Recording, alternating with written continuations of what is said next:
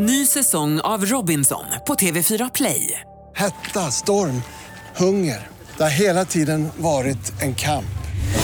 Nu är det blod och tårar. Fan händer just nu. Det. är Detta är inte okej. Robinson 2024, nu fucking kör vi! Streama söndag på TV4 Play. Vart tar alla vackra flickor vägen? Och var kommer alla fula lea kärringar ifrån? Hallå Ann, det är söndagsskola. Du är väl på plats, hoppas jag? Jajamän, jag är på plats. Första kaffekoppen är urdrucken och eh, svenska jordgubbar har ätits. Nej men oj, vilken söndag. Mm. Ja men det är, Japp. det är i denna ljuva sommartid nu, tycker jag. I denna ljuva Mm. Har eh, jordgubbarna mognat i Göteborgstrakten? Jo. Eller har de drunknat? Ruttnat bort kanske? Nej men det finns jordgubbar här, men jag eh, blir lite sådär att jag känner mig gammal när jag gnäller över att jordgubbarna inte smakar som förr. För jag tycker att jordgubbar i högre grad idag har liksom en sån här vit ett vitt innanmäte. De är ganska fasta och som jag minns jordgubbar så ska de när man biter av halva så ska de vara riktigt röda inne genom hela så att säga kroppen. Köttet ska vara rött och då smakar de ofta mycket mer. Ja. Så nu, nu Ja. för tiden håller ju jordgubbar längre i kylen innan de börjar mögla och sånt där. Mm. Men de smakar mindre. Det tycker jag är tråkigt. Men eh, Ja, men jag kan säga att de jordgubbarna jag har ätit Mm. eh, just idag, de var röda helt igenom och de var mycket, mycket söta. De inköptes på Klockareboden eh, i Borby och de är odlade bara några kilometer ifrån eh, denna förnämliga ICA-butik. detta förvånar mig inte det minsta eftersom Nej. du bor i Skåne och jag bor här uppe i Göteborg. Så där har ni ju förklaringen till varför dina jordgubbar smakar som de ska. För som vi vet är allting lite, lite bättre Ja. här, i alla fall på sommaren. Jo, Ja, så var det Ja. det. Efter denna lyriska hyllning av jordgubbar så, så måste vi ändå liksom, vi måste dämpa oss lite Ja. här för jag känner att det är ändå dags att irritera Ja. sig. Ja, jag tänker att du har redan irriterat dig lite av jordgubbarna men du kan få fortsätta irritera dig tänker jag. Tack! Eh, jag får väl börja med att säga att jag förstår att förra veckans irritation som jag gav uttryck för eh, väckte eh, väntad irritation ibland lyssnarna. Eh, jag talade ju då om att jag ogillar ryggsäcken eh, och att jag, Ja, jag just det. föredrar andra sätt att bära sina ting. Eh, Jag får väl förtydliga då att jag förstår naturligtvis att det kan finnas omständigheter som gör att man har inget annat att välja på och det är helt enkelt det, det som, som underlättar vardagen att ha en ryggsäck och då ska man ha det tycker jag. Men Mm. Poängen med de här irritationsmomenten det är ju att vi ger uttryck för kanske inte så smickrande irritationer vi har ibland. Vi bjuder lite på fula drag hos oss själva också. Så att eh, Ja, jag tänker att det, jag det. bjuder också på att jag kan vara veckans irritationsmoment för några lyssnare kanske. Så hoppas jag att de äl- Det- det- älskar mig sen igen. Ja, du bjuder på att du är intolerant mot alla som måste ha ryggsäck. Du är intolerant och, och du, du uppvisar föga empati för människor som kanske har problem med ryggen. Har du tänkt Ja, på det? jo, nej, men det, det, nu har jag modifierat min irritation där. Så att, Ja, eh, ja, men det är bra. Men eh, denna vecka har eh, jag noterat med stigande irritation den slapphet man omskrivit igen Jordan B. Petersons besök i Sverige. Ooh. Han eh, har ju gjort det. föreläsningar eller eh, shower eller vad vi ska kalla det, både i Stockholm och här i Göteborg. Eh, och då Mm. upprepas samma trötta visa i flera texter som vi har vant oss vid kommer när Jordan B. Peterson är på tapeten. Nämligen att man då gnäller Mm. över vilka som går dit. Det är bara män. Usch och fy, det är inte bara män, Mm. men det är ungefär så man beskriver det. Och man tycker att det är unket, tramsigt, simpelt, banalt.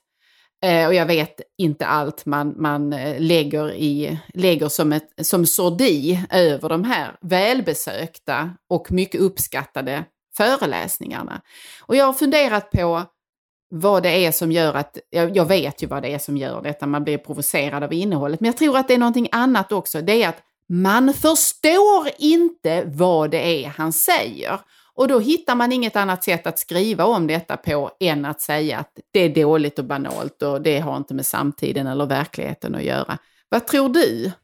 Nej men alltså så här, jag, jag, Har du noterat samma jag- jag- som jag? Ja, alltså faktiskt inte, inte riktigt måste jag säga. För jag har ju noterat det här att det finns en, en ganska banal liksom, rekapitulation av de här föreställningarna som går ut på att det är bara en massa unga män som går dit och han säger självklarheter som att man ska bädda sängen eh, och bla bla bla och så spyr man lite över det och så luktar det för mycket ost i foajén i Stockholm eller hur det nu var.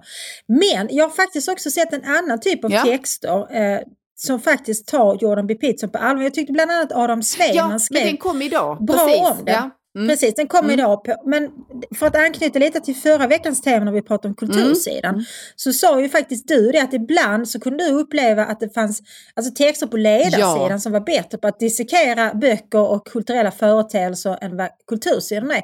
Och detta är ett rätt tydligt exempel på det för att Sveiman resonerade precis kring det som du säger nu. att- För han, han resonerar kring att Alltså Jordan B. Peterson, han ger ändå uttryck för de värderingar som vår västerländska kultur är byggd på. Mm.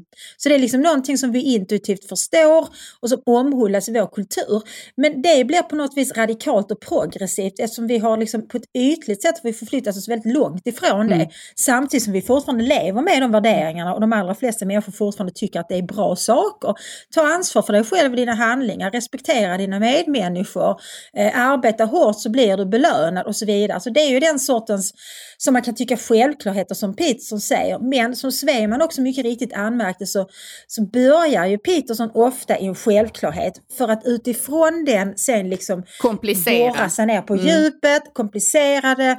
Han refererar till liksom eh, vår västerländska idéhistoria har ofta referenser till Bibeln eh, men också till andra liksom, eh, gemensamma myter. Liksom. Han, han, han har ju det här jungianska Ja, draget precis. som jag personligen är lite, jag har aldrig varit någon jungian alltså. Men, men, men, så Svemans text tyckte jag var bra Ja, men- och jag läste faktiskt också jag tror det var i svenskan som jag också läste en text som jag tyckte var bra. Eh, jag tror det var Essie eh, som skrev den, om, där hon faktiskt då bekände att hon, hon har alltid varit förtjust i Peterson, men hon blev lite besviken på hans föreställning eller på hans show eller föreläsning, vet inte man ska kalla det, i Stockholm, för att då hade han ju fått en publikfråga kring liksom det här depp oerhört och- eh, tråkiga depp och Ja. hörd. Och där håller jag med Essie Klingberg, jag var ju inte där, men alltså, jag skulle akta mig väldigt noga för att stå och liksom ta ställning i en sån sak och, och uttala mig tvärsäkert om Amber Heards personlighet och Depps eh, trovärdighet. Nej, precis. Nej, men, det- och det, men, det, det, den kritiken kan jag Ja, men- dela eh, och- faktiskt. Självklart finns jag, jag har också kritik mot saker han säger eller påstår eller Mm. analyser han gör. Och så det, är ju, det är ju inte, vad, vad vore man om man inte ha- hade det så att säga? Det är ju en del i att ta in och läsa. Men det, det, det, Ja, och det är också en del i att ta en individ på Ja, allvar, att precis. ta hans tänkande på Men det som du irriterar dig på och som jag irriterar mig på, för jag håller med dig, det är när man inte tar honom på allvar utan istället vill göra honom till en pajas som bara säger till folk att de ska kamma Ja. sig och bädda sig. Ja, och sen också att förstå att de här så att säga enkla reglerna som Sveiman skriver då, att det är bara början. Han har, det, det är saker som han har kondenserat och sen så bakom det finns det djupare resonemang som man kan förkasta eller problematisera eller välja att hålla med eller tycka att de är i alla fall bitvis intressanta. Men det är ju det, det är ju där djupet finns, inte i den här i regel nummer 12 eller regel nummer 14 eller vad det nu är, hur många han nu har gjort genom att den nya boken har kommit också. Men det finns liksom någon slags slapphet i en del av de texter som har kommit som jag tycker är en, eh, alltså det är lite hack i skivan där i förhållande till hur det var förra gången han var här. Och där, där jag tror, tycker att man bör kunna bättre. Men nog om detta. Över till dig, eh, kära poddpartner. Vad, har, vad har eh, väckt ditt raseri, i alla fall irritation? alltså det är nog på gränsen till raseri faktiskt. Oj, ja. De här, ja, men de här politiska vildarna. Ja, Vi kan inte ha det på det här Nej, sättet. jag vet. Alltså för det första måste jag säga, förlåt mig nu alla liksom eh, människor till höger som lyssnar på mig. Jag, jag tillhör ju också det lag som man säger. Men vad är det här för trams med misstroendevoteringar hela tiden? Sluta genast med det. Alltså det, håller inte att hålla på så. Det är inte trovärdigt att liksom, hur många misstroendevotum har vi liksom haft den här mandatperioden? Det här börjar bli liksom rena cirkusen tycker jag. Och att det sen leder till att den här politiska vilden, Amineh Kakabaveh, hon har ju fått orimligt stort inflytande över svensk politik. Det finns ingen som har större politisk makt i Sverige Nej, just nu vet. än Amina. Och det, det, det, är inte rimligt. Alltså det är icke rimligt. Det är ju inte direkt Detta system måste ses det är över. Inte, det är ju inte demokratiskt. Nej, men det är ju inte i förenlighet med hur valresultatet såg ut. Nej, eh, Och det är det de har att förvalta och omsätta i någon slags politisk praktik och möjligt, möjligt styre.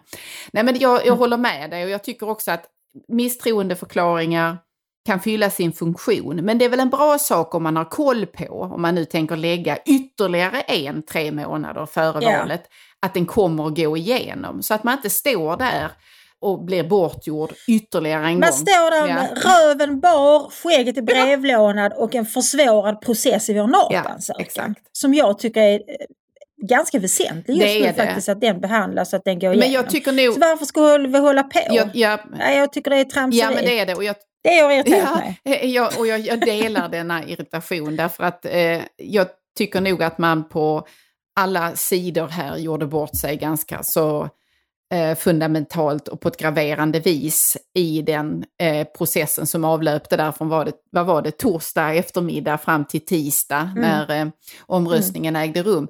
Även statsministern som jag i övrigt tycker har skött mycket väl, mycket, eh, stor del av sitt pensum väl sedan dess att hon tillträdde lät ju sinnet rinna över här och försvårade med sitt agerande också NATO-förhandlingarna genom att det innebar att hon gav den politiska vilden ännu mera makt, ännu mera Ja. utrymme och eh, så att säga blev framlyft i media och fick stå och förklara varför det blev som det blev och så vidare och bära hela den här processen på sina axlar.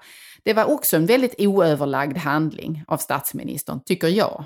Ja, jag håller med dig. För jag, jag tycker också att, att Magdalena Andersson har skött sig bra. Alltså hon har haft, det har inte varit lätt för henne att, man, att navigera den här processen med en, en väldigt kraftig omsvängning i NATO-frågan. Därför det har varit en helig ko för Socialdemokraterna och där har hon liksom piskat in sitt parti på ett föredömligt sätt. eh, Och drivit på en process som vi som inte är socialdemokrater gärna hade sett tidigare. Men nu är den igång i alla fall. Och då är det mycket tråkigt om det ska försvåras av att, av att eh, oppositionen eh, tramsar sig med misstroendeförklaringar. Jag inte heller någon fan av Morgan Johansson men, men det bästa sättet att bli av med honom det är ju att byta regering, inte att hålla på på det här sättet. Ja, jag, det har irriterat mig för att jag tycker också att det bottnar i någon slags tramsig lust att synas hos en del eh, politiker och en del av oppositionen som mest är ett spel för gallerierna för det är ingenting som förändrar något i grunden. Alltså, det är väl ingen som på allvar tror att om vi byter ut justitieminister nu så kommer eh, dödsskjutningarna och gängkriminaliteten plötsligt att försvinna från Sverige. Alltså, det är, ju, det är ju oerhört banalt och tramsigt. Det behövs ju ett, ett, ett helt annat typ av arbete. Ja. Så det, det var många irritationer i ett, men framförallt, eh, alltså, vi måste komma till rätta med det här med politiska vilda. Det kommer alltid att finnas personer som utesluter sina partier eller som väljer att lämna. Men då kan de inte sitta kvar på ett riksdagsmandat nej. för ett parti som de inte längre är medlemmar i. Det är ju ja, vansinne. precis. Så det, det, var, det var min irritation. Ja, men mycket... Nu ska jag genast bli på gott Ja, humör men eh, nu har vi, ja, det, det finns, vi uppmanar alla lyssnare att eh, följa den här traditionen för att det har en mycket skön terapeutisk verkan att få eh, liksom ta, plocka upp någonting och sen så bara lägga ut texten och få klaga lite grann. Jag, jag är för det. Mer sånt ändå. Ja, man, kan, man kan göra det med sin partner. Eh, när man sitter och äter middag så kan man säga så. Dagens irritation, idag har jag irriterat mig på att du gör så Ja, här. och då säga. är det väldigt viktigt, men då är det väldigt viktigt att den som, man, som tar emot klagomålet, precis som du och jag gör här, man får inte ifrågasätta det då, utan jag måste ju på något sätt möta det, jag måste förstå att även om jag inte håller med dig i sak så är det, finns det mycket stor grund för den här irritationen och jag bör så att säga bekräfta dig i att du, det är någonstans rimligt att du känner den. Annars så blir man ju, Ja, man, men du, du, man blir ju ja, arg om det. du är en mycket bra irritationspartner på det sättet. För ibland om jag är irriterad av någonting här hemma som inte alls har med min man att göra utan kanske något jag hör på radion säger och så bla bla bla säger Ja. jag då. Så säger Erik så, nej men vadå, det är väl inte så farligt, det behöver inte. Och då blir jag ännu mer Ja. irriterad och då blir jag irriterad på honom istället. Så då drar han min irritation över sig Ja. själv utan att förstå det. Nej, så ska man inte göra. Man möter den som irriterar sig på ett pedagogiskt och bekräftande vis. Så kan man elda upp sig tillsammans och sen kan man leva. Ja. Har blivit en madam med skunk bak och fram Och nu ska vi eh, lämna detta för att fly in i det vilda, eh, du och jag. Ja, precis. Vi ska bli politiska vilda, eller? Nej, vi ska bli poddvilda. Det är vi redan, nästan. Ja. Eh, nej, men vi, vi tar oss ut i naturen idag. Eh, och, och, Det ska vi ja. göra. Eh, naturen, vad, vad väcker det för eh, så här, association, tanke när jag säger natur, naturlighet hos dig? Ja, alltså väldigt många måste jag säga. Mm. Dels kan man tänka på den rent konkreta naturen som jag vet, jag råkar veta att du gjorde ett besök i den konkreta naturen eh, förra helgen. Eh, du var i något slags naturtillstånd och grillade korv och paddlade kanot. Mycket stilfullt klädd i rosa klänning och solhatt. Mm. Det var mycket fina bilder. Men det såg det såg ut som en, eh, ja det såg ut som du var på någon slags hike. Ja. Eh, jag, samma helg var jag också, jag befinner mig mycket i naturen måste jag säga. Nu bor jag ju, ja, vi bor väl alla i naturen Mm. på ett eller annat sätt. Men jag har ju det som vi traditionellt benämner som natur, det vill säga hav och strand och eh, stora skogar uppåt Sankt Olof och Brösarps backar. Jag har ju det ganska nära. Så förra helgen så var jag på någon eh, ganska lång promenad just i naturen. Mm. Eh, och det jag har sedan jag var barn tyckt mycket om då att promenera i skogen eller att leka i skogen. När vi var små så kunde man ju fortfarande så, ens föräldrar släppte iväg och så var man borta i tio timmar och kom hem sen. Det är inte som nu när man Nej. ska övervaka sina barn. Nej. Men jag och mina eh, kompisar och min bror också, vi, vi lekte mycket i en närbelägen skog som hette Västerkulla. Mm. Byggde kojar och, och kojor och så vidare. Något som jag har, som har fascinerat mig sista tiden med det här liksom med att, att liksom det här med att, att bara vara i naturen och i skogen, att det har på något vis blivit det ska liksom konstras till det också så att man har talat en del om till exempel skogsbad. Har du hört talas om det? Skogsbad. Eh, nej, men jag kan föreställa mig vad det är. Eh, är det, Det är en trend. ja, är det, en, är det liksom den eleverade eh, versionen av det här att det ska badas året om? Och så, fast man ska... ba- Nej. Nej, man badar i... skogs, Jag fattar! skogsbad är bara att du går ut i skogen. Åh. Men istället för att säga så att nu tar vi en promenad i skogen, så då ska man göra det konstigt och så ska det vara ett skogsbad. Och du är inne på något annat där, det här med vinterbad. Det har jag faktiskt sysslat med sedan jag var i 20-årsåldern. Mm. När jag vinterbadade på Ribersborg i Malmö. Eh, men nu så kallar man det för wild swimming. Ja. Ja. Jo, nej men... eh, det, det, det, det är inte, jag skulle säga så att det är inte eh, fenomenet eller eh, att, att görandet här som eh, i sig som jag har något att invända emot. För att jag kan absolut förstå att det där har, kan ha goda hälsoeffekter, må de så vara av placebo-karaktär eller faktiska. Eh, Man känner sig friskare, man känner sig starkare och så vidare. Och då, då blir man det också. Men Mm. det finns ju en, en sån oerhörd dokumentationsiver av det här med skogsbadandet eller eh, som du sa, vad var det du kallade det, wild? Wild swimming. precis. Det vilda Det simmandet. måste dokumenteras för annars har det inte hänt. Och det kan ju vara något tröttsamt när det sker dagligen och stundligen så att säga. Eh, och och det, där, där rör vi väl vid en, en sån här lite kontrastyta emellan då naturen som Mm. vi tillber som svenskar eller som Mm. nordbor. Just det. Eh, samtidigt som vi vill, vi vill liksom lite kokettera med hur mycket vi är i naturen eller hur, hur eh, mycket vi söker detta och att det då ska dokumenteras man, man vill söker bekräftelse för om man är ute och vandrar och går upp till på Kebnekaise eller vad man nu gör. Det har inte skett om man inte har lagt ut det så att säga. Och, och det finns ju en, det är ju en paradox i det, därför att du är i det vilda, du är i en enslighet, men du vill att mängden, massan ska se det, för annars har det inte ägt rum då. Ja, men jag tänker att är inte det ett uttryck också för att människan har blivit allt mer alienerad från naturen? Och om vi med naturen också tänker sig eh, någon slags ursprunglighet. För jag menar, i någon mening så är ju också människan ett djur och därmed en del av det vi kallar naturen. Mm. Såklart, vi är en varelse bland andra på något Mm. vis. Men om man då istället för att så bara så, ja men jag, jag tar mig ett dopp här eller jag går ut i skogen, att, att det ska bli någon slags speciell aktivitet som är omgärdad av olika ritualer och det skrivs böcker om det, sådär som det här med skogsbad och wild swimming.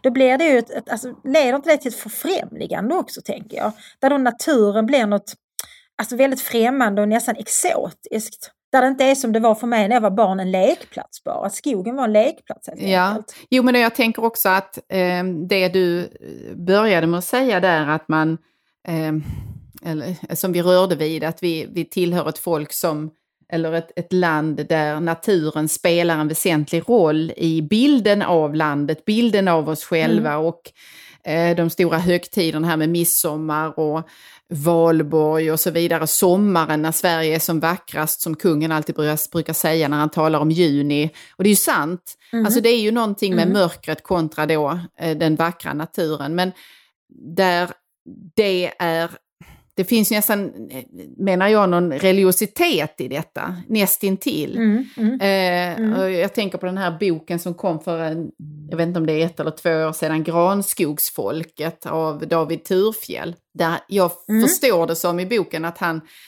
han talar ju inte om att det är religiösa upplevelser, men att det är, liksom det existentiella upplevelser, djupa upplevelser som man då kan få genom att vandra i skogen och känna trots att man är ensam, trots att man går ensam så känner man samhörighet och man blir rörd och man känner någon slags gemens, äh, att man är omgärdad av de här träden och skogen och mm. djuren och ljudet och allt sånt där. Och det står ju i det står i kontrast lite till det du just sa då, med hur vi ser hur, hur man gör de här installationerna då.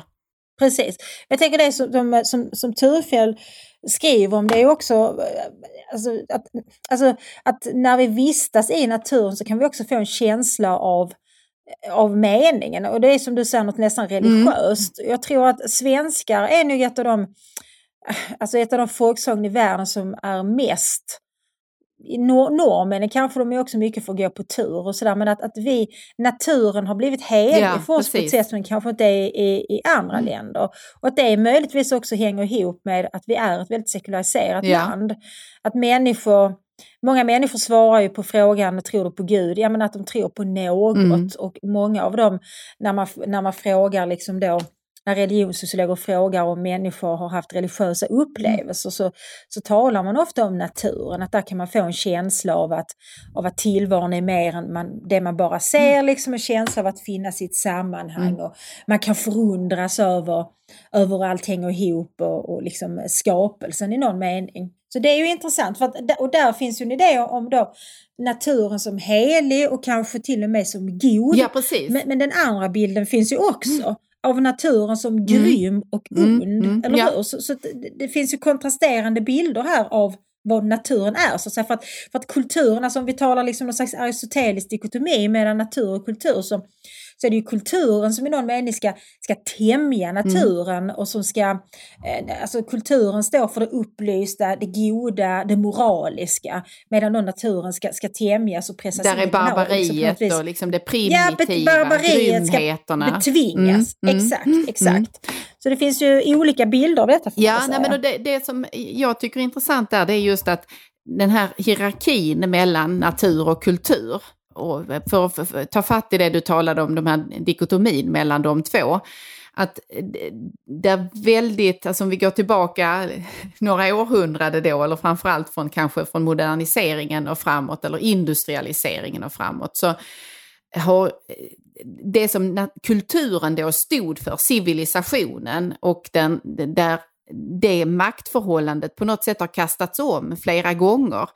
Eh, när jag tänker och pratar nu samtidigt så tänker jag att stämmer det där verkligen som jag just sa, att kulturen dyrkades och naturen sågs som så att säga det primitiva och så vidare. För att under romantiken, 1800-talets romantik, så dyrkade man ju också naturen och det vilda och eh, det, mm. det otämjda. Dels genom att man till och med kunde anlägga liksom vilda trädgårdar. Man, de skulle inte mm. se tuktade ut utan man kunde liksom lägga in en ruin i trädgården för att det skulle mm. se ja, övergivet ut och så. Eh, eh, och vi har Rousseau samtidigt som eh, då talar om hans version av barnuppfostran eller den, den, den goda, männi ja, precis, den goda ja. människans tillblivelse som bara kan ske om naturtillståndet bevaras och man lämnar barnet utan då påverkan från civilisationen och kulturen och vetenskapen, för det är den som har så att säga gjort att människan blir förtappad eller fördärvad och, och så vidare. Och det, då är vi ju i en tid långt före den formen av modernitet som vi nu tar för given eller den formen av postmodernitet som vi väl lever i. Eh, men där vi är nu så har ju vi börjat tillbe naturen på precis det sättet. Att vi tror att söker vi oss dit så når vi det sanna och det goda. Vi når oss själva i någon slags inre, men så innersta kärnan finner vi där om vi går i den där granskogen eller björkskogen eller vad det nu är. Så det, det ligger ju någonting här och där ett mönster går igen trots allt. Som kan, hänger du med i mitt resonemang? Ja absolut, att det finns hela tiden den här spänningen ja. mellan natur och kultur. Och egentligen så handlar den spänningen om vilken sorts varelse människan är. Ja. Alltså är vi en naturvarelse eller är vi en kulturvarelse? Alltså, det är klart att vi är liksom produkter av någon slags civilisationsprocess. Men i den civilisationsprocessen så har någonting gått förlorat. Mm. Det är väl det som Freud menar när han hävdar att vi vantrivs i kulturen. Mm. Mm. Det vill säga att, att kulturen och civilisationsprocessen har, har skapat ett sammanhang där vi i någon mening inte får plats fullt ut som de varelser vi är. Och att man sen då kanske kan återfinna detta i kontakt med naturen. Jag har precis läst en brittisk filosof som heter Mark Alizar mm. som eh, har resonerat kring eh, människans relation till hunden. Mm. Och han menar att, att hunden kan hjälpa oss att finna tillbaka till naturen och vår känsla av att befinna oss i ett sammanhang. Mm. Hunden eller vilket annat eh, husdjur som helst egentligen. Att det här liksom domesticerade djuret blir ändå ett inslag av det vilda och otämjda i våra liv som då talar till någonting liksom djupt inom oss själva som vi, som vi gärna vill, vill hitta tillbaka ja, till. Ja.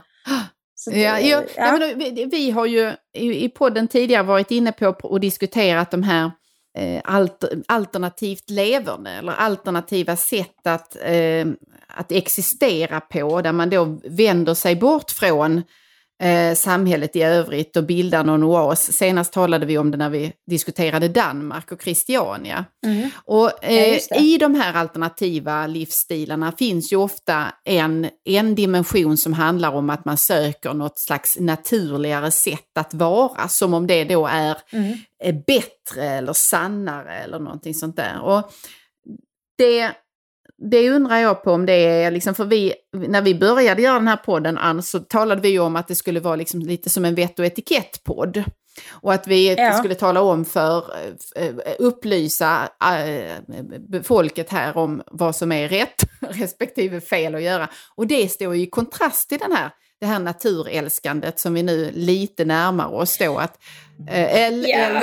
Jo, jag, jag håller mm. helt med dig. Jag är inte alls säker på att... Eh, jag, jag, personligen så mår jag bra av att befinna mig i en skog då och då och promenera längs havet och sådär. Men däremot så är jag väldigt tveksam till att från det dra slutsatsen till att det naturliga är det ja, goda. Mm. Alltså, för att frågan är, jag, jag läste faktiskt senast nu i veckan en, en artikel som satte myror i huvudet eh, hos mig på den här insidan i Svenska mm. Dagbladet mm. som behandlade ett fenomen som de kallade för friblödning. Ja. Och det handlade då om att sluta använda mensskydd ja. utan istället låta menstruationen flöda fritt. Eh, därför att det var naturligt mm. och då så skulle man då, och då sa Bra den här friblödande aposteln, ja precis, ja dels var det det att, att tamponger var mycket skadligt för klimatet och så. Men den här friblödarkvinnan hon sa att hon hade, hon hade lotsat 700 kvinnor till friblödning och hon sa att de allra flesta hade, hade, hade mycket förstående chefer. Mm. Därför att de här dagarna som de friblöder så kan de ju inte lämna sitt hem utan då rekommenderar hon människor att sätta sig på en mycket tjock frottéhandduk och se på en tv-serie eller läsa en bok. Men det där är ju alltså jag vet det är inte. bara för vi har. Ändå uppfunnit, det är bara för Ja men vi har, ju, vi har ju uppfunnit mensskydd för att vi kvinnor inte ska begränsas ja. av att vi blöder ett par dagar mm. i månaden. Jag, jag, jag tyckte det var en oerhört märklig Den är provocerande text. dum faktiskt. Och idén är ju vansinnig. Ja. Skulle du, känner du dig lockad till friblödning? Nej, så alltså nu närmar jag ju mig med stormsteg klimakteriet dessutom. Men jag kan säga att jag skulle... ja, men du kanske ska ta tillvara på den här sista tiden och friblöda? nej, det kom, jag säger nej. Och, och det, det, det, är väldigt dumt. Men det där är ju någonting som är eh, alltså i i sökandet efter det naturliga eller någon slags naturtillstånd, att man mycket lätt eh, hemfaller eller slirar in på någon slags märklig essentialism som inte alls är frigörande i något stycke utan som tvärtom fjättrar och håller, konserverar och drar tillbaka sådant som, som vi hade utvecklat och där vi hade gjort stora landvinningar i, i Mm. fråga om eh, friheter och så vidare. Och där finns ju också en annan dimension i det apropå att, att spränga barriärer och röra sig framåt i, i, eh, liksom i en liberal riktning där tal om vad som är det naturliga kopplat till sexualitet och läggning och så vidare också har varit en väldigt tillbakahållande idé. Eh, och Mm. kvävande idé. Alltså jag tror att i alla fall de som är i din och min ålder eller äldre kommer ihåg när Ny Demokrati satt i, i riksdagen och eh, man diskuterade, var det samkönade äktenskap eller var det rätten för homosexuella att adoptera? Jag kommer inte ihåg vilket av det det var, men detta är ju i begynnelsen av 90-talet. Och Precis. en av företrädarna för Ny Demokrati gick upp i talarstolen och gjorde en, en eh, eh, poäng av att vad som var naturligt och inte. Och så gjorde han liksom tecken för att eh, två snoppar ihop går inte. Eh, du- d- Ja, jag, jag ser det två framför sig. ihop, det går inte, det är inte naturligt. Och sen så då gör han eh, bilden för ett samlag mellan en man och en kvinna. Det är naturligt, säger han. Och så var det slutet på hans argumentation. Och sällan har väl något så dumt och korkat sagts. Nej, det, det Man var, skäms det var ju bara genom att jag nämner det nu så skäms jag, sekundärskäms och hans vägnar igen. Ja, Mm. absolut. Det är stark sekundärskam här. Ny säsong av Robinson på TV4 Play. Hetta, storm, hunger. Det har hela tiden varit en kamp. Nu är det blod och tårar. Fan händer just nu. Det. är Detta är inte okej. Robinson 2024, nu fucking kör vi! Streama söndag på TV4 Play. Ett poddtips från Podplay. I podden Något Kaiko garanterar östgötarna Brutti och jag, Davva, dig en stor dos skratt. Där följer jag pladask för köttätandet igen. Man är lite som en jävla vampyr. Man har fått lite blodsmak och då måste man ha mer. Udda spaningar, fängslande anekdoter och en och annan arg rant. Jag måste ha mitt kaffe på morgonen för annars är jag ingen trevlig människa. Då är du ingen trevlig människa, punkt. Något Kaiko, hör du på Podplay. Därför är gardinerna. Midjan så smal Så att royal Alltså hela den här idén med att, att jämföra människor med djur och då använda djuren som någon slags facit. Det har jag också väldigt svårt att, att förstå poängen med faktiskt. Alltså, vad, vad, alltså, vad, vad, kan vi, vad kan vi egentligen lära oss om mänsklig samvaro genom att se hur, hur, hur, hur måsar beter sig eller hur vargar i flock beter sig och så vidare. För det, det finns ju liksom ibland den, den vurmen för att, att berätta att så, så här gör djur. Eh, och då är det naturligt och därför borde vi också göra så. Men, men vi är ju vi är också djur som jag sa inledningsvis. Men vi har ju också skapat ett, en annan typ av eh, samhälle än vad till exempel måsar har Ja. gjort. Och det får man väl ändå ta med i beräkningen. Nej, men och det- Och anledningen till att jag nämner just måsar det är för att under många år så undervisade jag på en kurs som hette sexualitet och makt och då tog vi naturligtvis också upp olika liksom resonemang kring homosexualitet och hur det har sett ut idéhistoriskt och det förtryck som ju, det du beskrev precis, det är ju ett exempel på fördomar och så Ja. vidare. Eh, Men då, då fanns det faktiskt, finns det en forskare som har, som har väldigt målmedvetet velat bevisa att det, det förekommer homosexualitet också i djurriket. Och bland annat så kunde den här forskaren då visa att det fanns ett stort antal lesbiska måsar. Det vill säga eh, två kvinnliga måsar som då slog sig samman och av allt att döma hade en mycket nära relation. Och jag menar gud välsigne måsarna, men vad säger det till, alltså vad, vad säger vi det som använda lesbiska kvinnor? för? Vad ska vi använda det till? Betyder det att lesbiska kvinnor bara ska äta sill? Eller betyder det att lesbiska måsar ska ha rätt till samkönade Ja. äktenskap? Alltså, den sortens resonemang är ju bisarra, därför att vi är människor. Eh, och vi är inte, alltså vi lever inte längre i enlighet med det som är mest naturligt. Visst som det här med friblödande. Ja, vi blöder en gång i månaden om vi är kvinnor och i en viss ålder. Och civilisationen Eh, men- men det- har hjälpt oss med redskap och eh, utrustning. Att hantera detta. Precis, men, Precis, det var dit jag ville Ja, komma. nej, men och där är väl för att eh, återknyta till vad vi inledde med här, en av Jordan B. Petersons mindre eh, imponerande teser eller exempel handlar ju just om humrar. Eh, ur, Ja just det, det där har ju många ja, och eh, ur hackat vilket han Ja. drar väldigt långtgående eh, resonemang. Jag skulle inte säga att han drar slutsatser, men han för långtgående resonemang huruvida hur människan, mänskligheten, män och kvinnor och så vidare eh, och interaktionen däremellan. Och det, det faller ju på just det greppet som du exemplifierade här med fiskmåsarna. Att visst, det finns kopplingar Eh, men det, det, från det till att dra slutsatser om existensen eller om hur vi ska bete oss eller inte, det, det kan vi skippa, tycker jag. Ja, men alltså det naturliga är inte heller alltid det goda. Och det naturliga är inte heller alltid det normala. Alltså, jag som är inne i en fruktansvärd åldrandeprocess, det var ju någon man som skrev hånfullt till mig för ett tag sedan att jag har ett åldersadekvat utseende, vilket inte var en komplimang. Men jag, jag kan ju vittna om att åldrandet som ju är en helt igenom naturlig process för alla biologiska varelser har ju en utmätt tid. Mm. Det känns inte normalt. Nej. Det känns onormalt att åldras, det känns onormalt att jag behöver läsglasögon mm. till exempel. Mm. Jag tycker inte alls om det och det tröstar inte med att det är naturligt. Döden är ju också en ytterst naturlig sak. Mm. Men det känns inte normalt för den som är på väg att dö. Nej. Och det känns inte normalt att människor jag älskar dör. Det känns mycket onormalt och mycket fel. Mm. mm. Så det går ju liksom inte att naturligt och naturen är inte synonymt med det goda eller det normala eller det rätta. Nej. Det kan vi väl eh, konstatera här efter dessa exempel. Ja, nej precis. Men, men det jag tänker också är att naturen, eh, natur, ja, naturen är också en, en plats för nostalgi eller någonting man eh, ja.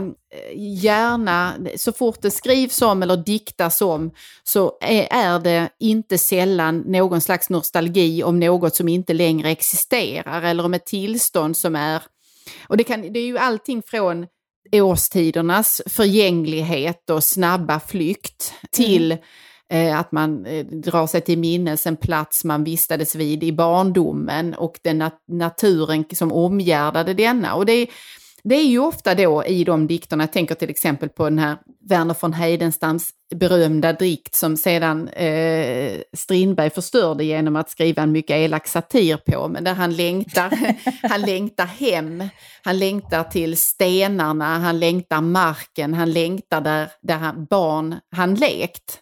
Ungefär så mm. låter den. Och det där finns ju också hos Fröding till exempel som eh, diktar mycket om, eller diktade mycket om naturen och om en, en, en landsbygdsmark som är övergiven och där, där så att säga jorden ligger för fäfot eller och, och, och byggnaderna har börjat att bli snea och vinga och taket är inte omhändertaget och så vidare. Det är ju redan då, trots att det här är skrivet, liksom, det är ju slutet på 1800-talet, så är det mm. redan då är det någon slags landsbygd som är övergiven eller lämnad. Och det tycker jag är någonting mm. som återkommer mycket i naturskildringar just, det nostalgiska. Ja men det är nog sant, men, men det kan väl också handla om att, att de intryck vi får i naturen gör väldigt starkt avtryck i oss. Alltså det vi, vi förnimmer när vi är barn och unga. Mm. Alltså hur, ja men som du talade när du talade om, om jordgubbarna här alldeles i, mm. i början av vårt samtal. Så, så det var ju ändå liksom ett uttryck för, för, eh, för nostalgi också, att du mindes liksom hur jordgubbarna ja. brukar smaka. När de var helt igenom röda och solvarma mm. och söta och så vidare. Eh, och liksom det är när man erfar någonting för första gången så ger det ett mycket starkare intryck än när man erfar det senare. Mm. Så att säga. Så kan det vara med smaken av jordgubbar eller lukten av gräs eller känslan ja, av att gå i en sval, eh, eh liksom, eh, ljusgrön bokskog och så vidare. Och jag, jag, jag var på en middag för en, några veckor sedan mm. där vi faktiskt satt och pratade om det faktum att att insekterna tycks ha minskat så mycket. För att det var precis när rapsen hade börjat blomma här när jag är i Skåne så sa jag att, att en sak som jag tyckte var konstigt var att jag inte sett en enda rapsbagge. Nej, de brukar ju komma som, alltså, som äh, ja, retat vansinne ja, på en, verkligen. Ja, för jag minns ju när jag var barn och eh, då cyklade jag mycket. Jag, jag red diverse hästar i diverse stall. Så då cyklade jag ut från Svedala där jag bodde ut mot stallet och då cyklade jag ju jämte rapsfält. Eftersom jag hade väldigt blont hår som barn så sögs de här rapsbaggarna till mig. Så mitt hår var ju mm. fullt mm. av svarta baggar. Eh, och det, sen har jag ju bott i stan i många år så, så jag har inte tänkt på det men nu bor jag ju här omgärdad av rapsfält och promenerar väldigt mycket vid rapsfält med hunden och så. Och har inte sett en enda rapsbagge. Och då sa en annan av gästerna runt bordet att han hade tänkt på det här att, att när man var ute och körde bil som barn, mm. alltså inte som barn då man satt väl i baksätet men, men när man åkte bil, att det, det, här liksom att man ibland körde in i en svärm av insekter så det blev lite rena insektsmassakern på vindrutan. Det händer inte längre. Nej, gör det inte det? Har du noterat det ja, också? Alltså, nej. nej, jag måste säga jag som cyklar mycket då, eh, med ja. oerhört hög hastighet, eh, som vinden cyklar jag ungefär, eh, skarp vind. Det, vissa kvällar så får jag väldigt mycket insekter på mig då. Och de, jag kan komma in i precis den typen av svärmar som du beskriver här, fast som bilen ja. eh, träffades av.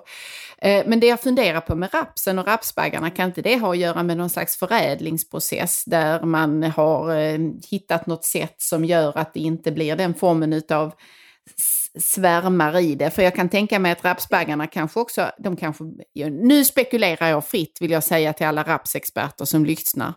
De kanske skadade rapsen. Då kan man ju ha, hitta... Så, så ja, kan det mycket ja. väl vara. Men jag, jag kunde inte släppa den här tanken på insekter Nej. så jag började faktiskt googla lite på det. Ja. Och då hittade jag bland annat eh, uppgifter om att 80% av Europas insekter har försvunnit på 30 år. Tror du vi kan vända detta om vi bara börjar blöda fritt och sluta använda mensskydd?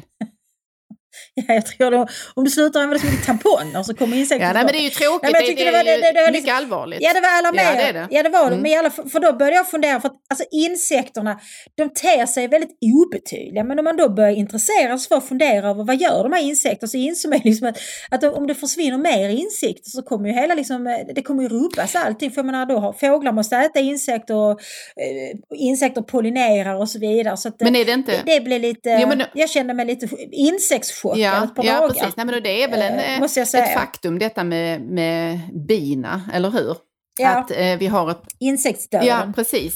Eh, och att någonting måste så att säga göras kring detta för att annars så riskerar det just precis som du, du beskriver här att balanserna rubbas och eh, det, det, här är ju ett system där om någon art försvinner eller om någon som har en central roll decimeras så ger det återverkningar på hela systemet. Eh, och... Ja, och det, och det, är ju, det är också en intressant del av liksom hela, alltså när man diskuterar fenomenet naturen, just att det är så intrikat. Och många, jag tänker liksom, nu har vi pratat om bilden av naturen som god och ursprunglig och så vidare, men den där andra bilden när naturen blir ond och slår tillbaka finns ju mm. också. Mm. Och det finns ju någon slags idé om att att liksom, när, när människan då genom sitt sätt att agera rubbar balanserna för mycket mm. så slår naturen så småningom tillbaka. Alltså jag älskar ju katastroffilmer. Mm. Mm. Jag eh, tror jag har sett alla som finns. Och eh, det är ju en speciell genre. Det finns ju olika genrer av katastroffilmer. En del är ju liksom den här traditionella, det är ett flygplan som kraschar i något berg någonstans. Och sen har vi hela liksom eh, genren där det är rymdvarelser som, eh, som De är ju inte särskilt naturliga då. tycker jag. Nej, de är mycket onaturliga. Mm. De är kanske naturliga på Mars, mm. men inte här. Eh, och sen så har vi då den här genren som faktiskt har blivit större de senaste åren. Där det är någon form av naturkatastrof. Det är eh, oerhörd kyla eller väldigt mycket vatten. Eller Naturen vind, slår tillbaka. Eller, ja, att mm. naturen slår tillbaka. Mm. Eh, och det är väl kanske ett uttryck också för att, att vi ser till exempel då att insekterna blir färre och så vidare. Jo, nej, men det är ju, eh, där är ju, kan man ju eh, ta fram den gamle mästaren Hitchcock som var en, eh, in, lite av en pion, pionjär på just det med filmen mm. Fåglarna.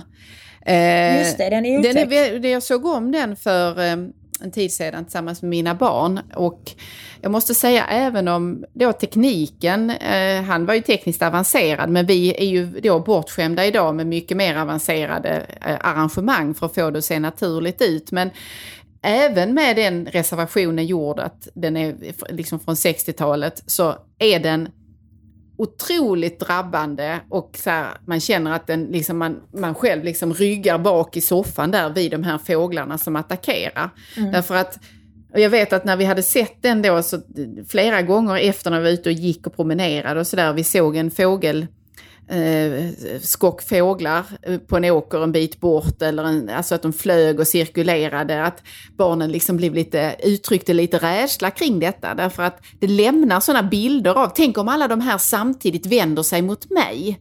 Jag har ju ingen Ja, chans. Eh, men det är Nej. ju det där lurandet då av att naturen eh, är god men vi, vet, vi är beroende av att den fortsätter vara det för vänder den sig mot oss så har vi inte skuggan av en chans. Så, Nej, det är som Zizek säger, inför naturen står människan maktlös. Och den insikten är ju ganska skakande. Ja. Samtidigt så har vi skapat en tillvaro där vi på olika sätt betvingar naturen får man väl säga. Eh, så vi får hoppas att naturen inte förstår att naturen egentligen är starkare än oss och skröpliga människor. Ja. Så att alla fåglar, alltså alla mina råkor här utanför. eh, De älskar du inte. Kom plötsligt De- attackera. Nej. De, de är obehagliga. Men känner du någon gång obehag inför naturen? Alltså att vi känner obehag inför det naturliga. Ja. Och människor tycker att det är naturligt typ att liksom fisa och rapa och sånt. Det tycker jag är mycket obehag. Men inför naturen i form av, kan du känna obehag av att befinna dig i skogen eller eh, och så vidare? Nej, det, det kan jag inte göra, men eh, nej, det, det skulle jag inte säga att jag gör någon gång. Jag, jag tycker om det, och, eh, eh, men jag, om jag skulle ställas inför att jag måste vistas i den där skogen också nattetid, exempelvis, och sova Ja. över och sådär, eh, eller exempelvis bo i ett tält eller något liknande, eh, det skulle jag känna är obehagligt faktiskt, måste jag säga. Därför att så långt sträcker sig inte min naturkärlek. Jag vill gärna vara, jag vill ha naturen nära.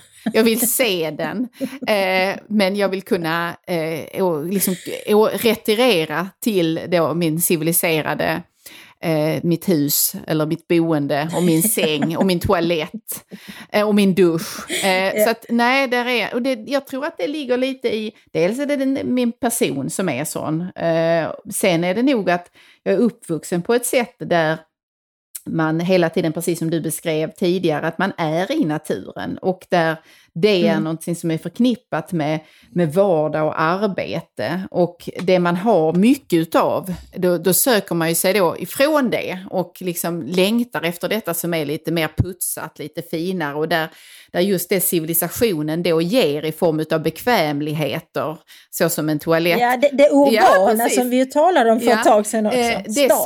söker man Mm. då och det är någonting som man liksom vill vara i. Jag ser bara det där andra sättet att då fly ut i naturen och bo i tält och sådär och så härligt att laga mat hela tiden över öppen eld. Att det är bara så, det är ju oerhört mycket mer jobb. Varför skulle jag vilja ha det när jag kan göra det smidigt och enkelt hemma och bara sätta på mikron? Nej, jag, jag håller med dig. där. Jag kan säga att en av de värsta nätterna i mitt liv tillbringade jag i en skog. Ja. Därför jag, jag, jag var tillsammans med en, en ung man som var någon slags En friluftsmänniska. scout. Och, ja, typ Ja. en scout. Och liksom, du vet ju hur det är, liksom, särskilt kvinnor är ju så här, och särskilt när man är en ung kvinna, i början av ett förhållande så är man beredd att, att anpassa sig ganska, mycket efter den här unge mannen som man är förälskad i. Man, man liksom kan anamma hans musiksmak Mm. till exempel och intressera sig för hans fritidsintresse och låtsas att man gillar blodiga biffar fast man egentligen inte gör det och så vidare. Mm. Och jag var då tillmötesgående och ville då liksom eh, intressera mig för vad han tyckte om och så och eh, så skulle vi ut och sova i skogen en natt. Mm. Och det var fasansfullt. Ja, alltså fatta hur mörkt det är i en skog. Ja. Det var, det var fruktansvärt mörkt och jag var, jag var hysterisk för jag har sett jättemånga skräckfilmer där en kniv eller en yxa plötsligt kommer in genom en Ja. tältduk och det har för alltid förstört min möjlighet att tälta. Ja. Det är en sak på en upplyst campingplats men mitt ute i en skog och detta var dessutom i februari när det var snö. Så jag förstår inte liksom vad Du idén måste varit det var mycket vansinne förälskad. alltihopa.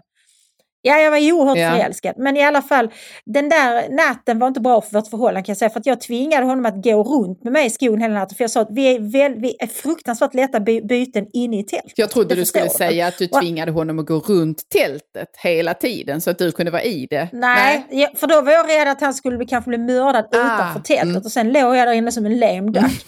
Och han tyckte att detta var vansinnigt. Han tyckte att, liksom att möjligheten att någon kommer med en jättestor machete här nu eh, i bokskogen för att slakta oss, den är mycket liten. Så sa jag, men det kan hända. Ja, det kan det. Men, nej, att, men det, eh, han, nej, det var ingen nej. bra, det var ingen bra natt. Men- Det var mycket skönt att vi kunde gå hem sen. Har blivit en madam med skunk bak och fram Jag skulle vilja testa en tanke på dig, där det här med natur och kultur som vi har talat om då, civilisation och det, kontra det primitiva. Där det finns ju en, en, eh, ett, en duo som eh, dels i, framträder den ju i Pygmalion eh, och sen i My, den, den lätta versionen av Pygmalion, nämligen My Fair Lady, där vi har professor, Higg, Precis. professor Higgins Ja. som är språkprofessor, lingvist kanske. Eh, och Ja. blomsterflickan Eliza då som, Eliza. Ja, eh, som är söt och eh, rar på alla sätt och vis och väldigt ung men som pratar som om hon aldrig hade varit i möblerade rum överhuvudtaget. Hon är nat naturlig och oförstörd, kan man väl säga. Och sen finns det ju då en setup här i denna berättelse där professorn ska förvandla henne till liksom en Ja. civiliserad eller en, en, en riktig dam. Och till att vara en riktig dam hör ju då att kunna tala väl och vara välklädd och, och se, eh, han slipar bort den här naturen, det oborstade i henne. Men då, då, nu kommer jag till min fråga här. Finns detta, alltså de här bilderna idag på det sättet? Finns det några Higgins idag? Eller är det så att det vi ser i, i media eller i, i, i kultursfären eller i tv-världen, det är en massa män som har anammat Elisas eh, oborstade eller naturliga tillstånd där man går utan hon vet jag inte om hon gick barfota, men vi har ju ett antal barfota män. Ernst till exempel. Ja, vi har Ernst, Gert, Gert. Wingård är också en sån här barfotaman. Och vi, sen har vi konstnären Lars Lerin. Jag vet inte om han går barfota, men han är också lite av ett, en man i ett naturtillstånd. Eh, Ja, och han har också en mycket kraftig dialekt, Ja, precis som Eliza. och vi har Mandelmann, herr Mandelmann, som Mm. också är, är eh, nära naturen och så. Vad är det som har hänt här? Kan du hjälpa mig att förstå? Ja, men jag tycker det här är intressant, för jag tycker, jag tycker nog ändå att alltså, den här dikotomin som du beskriver mellan Eliza och Higgins, det, det, det är liksom, man, det spiller, alltså det, det, det, det går ju tillbaka egentligen till den aristoteliska dikotomin mellan natur och kultur. Där, där kvinnan står för naturen och mannen för kulturen och, och kvinnan då är mörk och fuktig medan mannen är torr och ljus och så vidare. Liksom. Ni känner till Ja. dikotomin. Och den finner man ju, i, mycket riktigt som du säger, Eliza Higgins, men man finner den också i en film som Pretty Woman till exempel. Ja, precis. Eh, där, där Richard Gere spelar den här liksom eh, inbundne framgångsrike mannen men ack så olycklig. Så träffar han då den glada horan i form av Julia Roberts som då liksom med sitt, sin liksom naturliga eh, och primitiva eh, utstrålning på något vis förlöser honom till att bli lycklig. Och det bygger ju sig liksom på, på en idé om att man och kvinna ska komplettera varandra. Och att om mannen är det här kontrollerade, kultiverade, så måste kvinnan komma med sin liksom okontrollerade energi, med det primitiva för att förlösa mannen så att han kan glädjas. Och det tycker jag, alltså, det tycker jag ändå vi ser, för jag tänker faktiskt på en dagsaktuell och rätt så fånig debatt måste jag säga, vi har ju berört den innan, som nu handlar om va- varför skriver inte män på kultursidorna längre? Och den debatten har nu liksom uh, urartat till att handla om varför skriver inte män om känslor överhuvudtaget? Men det där handlar ju bara om att kvinnor vill att män ska prata om känslor på det sättet som kvinnor vill att de ska Ja. tala om känslor. Och, och det ligger ju i hela den här dikotomin också, att kvinnan är liksom det här känslosamma, varma, lite dallriga, liksom, medan mannen är det här hårda, ointagliga. Och så ska kvinnan locka ur honom känslorna. Samtidigt då som undantagen som bekräftar regeln finns ju då till exempel Ernst. Ja. Som ju är den här naturliga, mysiga, känslosamma Mm, mannen. mm. Ja, precis. Och han är väl en man, skulle jag vilja säga, som älskas av kvinnor. Mm. Men hur många män har Ernst som förebild? Jag tänker ändå liksom att det optimala är, om man är man, att vara en man som alla kvinnor vill ligga Ja. med. Men samtidigt en man som alla andra män vill vara. Ja, beundra. Ja, precis. Precis. Man vill vara Ja, Mads. Mikkelsen menar du nu? Exakt, man vill vara Mats Mikkelsen. Men vill en man vara Ernst? Vill en man vara Gustav Mandelmann? Nej, men, nej, men du har nog, du, jag tror att du faktiskt. nailar det där. Eh, om, du, om alla lyssnare ursäktar min anglicism, eh, eller min eh, eh, svengelska. Att eh, det, det är ju någonting här med att man tillfredsställer så att säga en viss, eh, en, en, en tårtbit av publiken med de här eh, känslomännen då. Och det är den kvinnliga delen av publiken primärt. Och i det har man då, ja, då, och i det har man då kastat om de här, den här hierarkin, eller den här rolldelningen snarare, som, eh, där vi finner ursprunget i natur och kultur och, och den hierarkin, men som, som då gestaltades på ett fiktivt vis i Eliza och Higgins och, och eh, i Pygmalion. För det där är ju, Mm. och som sen har traderats i, alltså det finns, det finns ju i en orimligt stort antal berättelser och roman eh, tycker jag. Just den där, den där eh, leken med att någon ska tämjas och att det är den kvinnliga, det här mörka, det, liksom det mystiska som ska tämjas samtidigt som man vill ha kvar, Ja, man vill ha kvar lite grann av det för att det, det är mystiken man är ute efter ändå. Ja, och det finns ju inte alls hos de här männen. Alltså Ernst är inte mystisk överhuvudtaget. Nej, inte heller Gert Wingård vågar jag säga. Är han mystisk? Ja, Jag jo, det är lite mystiskt hur han kan vilja älska den där typen av byggnader som han bygger hela tiden samtidigt som han bor i någonting som väldigt många människor skulle tycka var vackert och fint och som ser ut så som någon slags, apropå just natur, någon slags sån här svenskt röda, liksom en röd stuga eller liksom, det är väldigt nästan till lite nationalromantiskt. Om jag förstår bilderna för hur han bor rätt så bor han i en slags kombination av just det och en del moderna eh, liksom så här, vad ska man säga, experimentella lösningar på, på arkitektur. Men det här vackra och det lite utsmyckade, sirliga finns där också. Och det blir ju lite mystiskt att förstå hur han då är så Mm. ovillig att rita på det sättet när han ritar åt sånt som alla ska se. Det fattar inte jag. Där kunde det gärna vara lite Ja, mer fast- natur. Ja, fast det är ju inte mysigt på ett sätt som att man känner att man vill, liksom, att man känner att man vill gräva i det. Nej, det vill inte jag. Jag vill nog bara hälsa att han slutar bygga. Eller slutar rita. Ja, Han kanske inte ska vara barfota heller. Alltså, generellt är det svårt för människor som är barfota. Men alltså grejen är att jag tycker att Det alltså, tycker jag är ju verkligen också. Gå inte runt med bara fötter. Nej, den naturen vill vi slippa. Nej, ta på strumpor. Ja.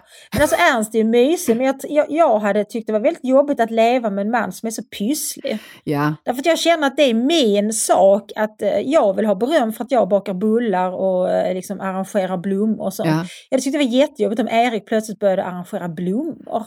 Vad ska jag Det skulle inte göra? bli lika bra som om du gjorde det. Det är väl mer det jag känner vad gäller Nej men Ernst gör ju det. Tänk om han var lika bra som Ernst. Det hade ju varit en knäck för mitt kvinnliga självförtroende. Ja, jo nej jag, jag håller med dig där.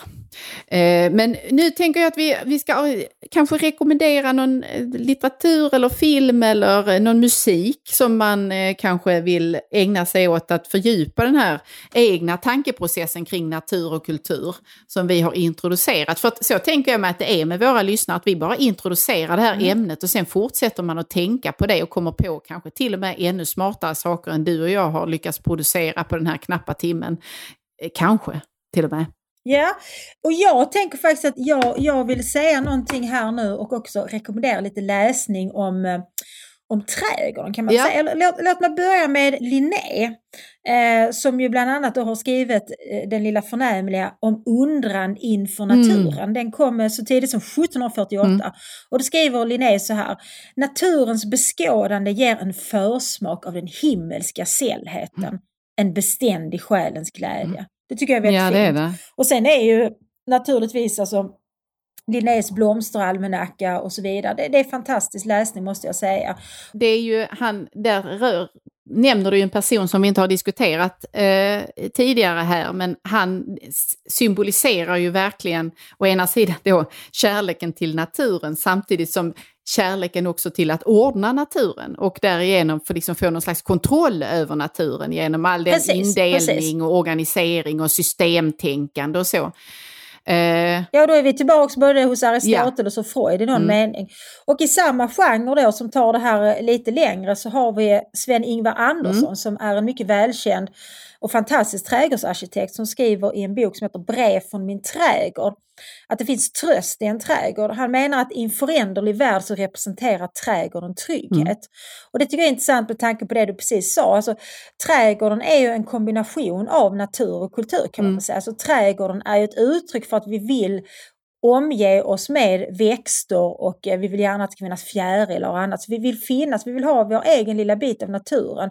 Men vi vill äga den i den mening att vi också betvingar den och vi beskär den och vi kultiverar Ja. den.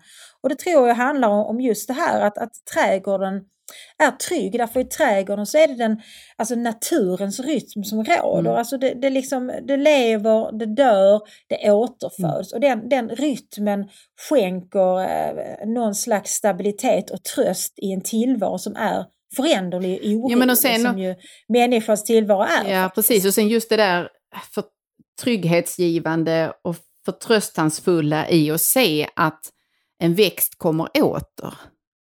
Det tänker Precis, jag med... att se den kraften. Ja, och att där, där, där kommer alltid den där tulpanen eller nu kommer den blomman Mm. och så ser man hur där ur detta eh, gråa, bruna, döda så spirar det precis samma som förra året. Och det, det finns Mm. ju någon sån vacker cykel i det som gör att Mm. även om, om annat är tungt så, så det, det, jag tycker det är genuint hoppgivande att se sånt i ens trädgård. Nu får jag lov att tipsa nu. Nu ska du tipsa, nu lyssnar jag. Eh, Jag vill tipsa om en film som nu finns på SVT Play som heter Dansa med vargar och som kanske många av er redan har, du har säkert sett den Ann, eller hur? Är det den med Kevin ja, Costner? precis. Ja. Den såg jag om eh, här bara i, i, om det var i helgen som gick eller helgen dessförinnan, också tillsammans med barnen. Jag såg den första gången när jag var 14 eller 15 år eh, och gick på bio naturligtvis. Det är en av få filmer jag har gått och sett två gånger på bio för att jag tyckte den var så otroligt fångande och drabbande och framförallt tyckte jag ju att Kevin Costner var oerhört aptitlig i filmen. eh, men He- helt naturligt Ja, snygg. precis. Eh, så det var lite med så här, eh, lite eh, f- nervös, nervöst för mig att se om den. För att en film du Mm. tycker om när du är så ung, det är ju inte alls givet att den håller. Alltså din... eh, eh, Nej, verkligen inte. Eh, Men det måste jag säga att den gör. Och jag fann den oerhört drabbande fortfarande. Och vad den gör är nämligen, det är därför jag rekommenderar den här, att den vänder ju just på detta med maktrelationen, med vad som är, vad är, vem står för civilisationen eller vem står för Eh, och vem står för barbariet? Därför att i, i en Mm. tradition av filmer som då handlar om amerikanska inbördeskriget och hur man flyttar fronten också. Eh, och hur man ham- ha- möter och hanterar urbefolkningen. Så vänd, alltså från en, en filmtradition där man då har skildrat vilden som indianen. Och de, där man inte ens har skiktat på de olika stammarna Ja, det. Ja. så vänder Kevin Costner i den här filmen. Man ska komma ihåg att det är Kevin Costner som har gjort. Han har ju skrivit manus, han har producerat, han har regisserat och han Mm. spelar huvudrollen. Så vänder han på detta och placerar eh, sin karaktär i en indianstam. Och eh, det är där han då blir till som människa, eller det är där han finner mening. Det är där han ser någonting helt annat än det han, han kom ur. Han är ju då en soldat så att säga som eh, får en postering på just yttersta gränslinjen där. där eh, Mm. och det, det är en väldigt, det är en, en mångbottnad skildring som vänder om och kastar om flera gånger där man då liksom ser samma skeende ur många olika perspektiv men där naturen är helt central. Och där hans kontakt just med hästen och med vargen blir Alltså det är så vackert skildrat. Så att se gärna Dansa med vargar igen. Det är inte en perfekt film, det är det inte. Men den berättar någonting på ett nytt sätt. Det gjorde den då 1990 och den har bäring fortfarande skulle jag säga. Mm. Intressant. Då kan jag komma med ett tips till på en tv-serie. Nu, så, nu äntligen så kan vi ju se Naked Attraction på svenska. Ja, det är naturligt. Precis, det är det här man visar. Det är Ja. naturligt. Det bygger ju på idén att man ska stå där och se någon som är naken och det börjar... Det här formatet har funnits i bland annat Storbritannien ett tag och jag har med stor fascination tittat på det här programmet då och tänkt att det där kommer aldrig att kunna komma till Sverige därför att vi svenskar är på något vis ändå rätt så Alltså, vi är inte pryda för vi gillar ju att nakenbada och basta och sådana grejer.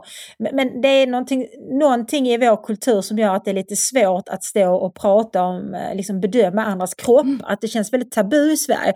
För hela det formatet bygger ju på det att man först får se från knäna och ner till fötterna på fyra olika personer. Och sen så nästa eh, är det könsorganen och sen så kommer det upp till hakan så man ser liksom eh, bålen och brösten. Oj. Och sen i sista steget får man då se ansiktet. Och då är det ett datingprogram så en person då eh, väljer då och måste välja bort en eh, hela tiden då. Mm. Baserat bara på att man ser fötterna eller könsorganen eller vad det nu är, vilken bit man nu har kommit. Och det i sin tur bygger ju på en idé att det har blivit så svårt att träffa någon i vårt samhälle för att hela kulturen och civilisationen kommer emellan i form av kläder och parfym och, och tillgjordhet och datingappar. Att istället ska man bara titta på en kropp och känna att oj, den här kroppen tycker jag är väldigt attraktiv och så ska man då välja den så det- ska vara väldigt så intuitivt. Alltså jag vet inte hur väl det här fungerar. Inte alls tror jag. Men eh, det tror inte jag det här heller. handlar det är bara Men en det- stor omväg för att få visa nakna kroppar. Alltså, he, eller hur?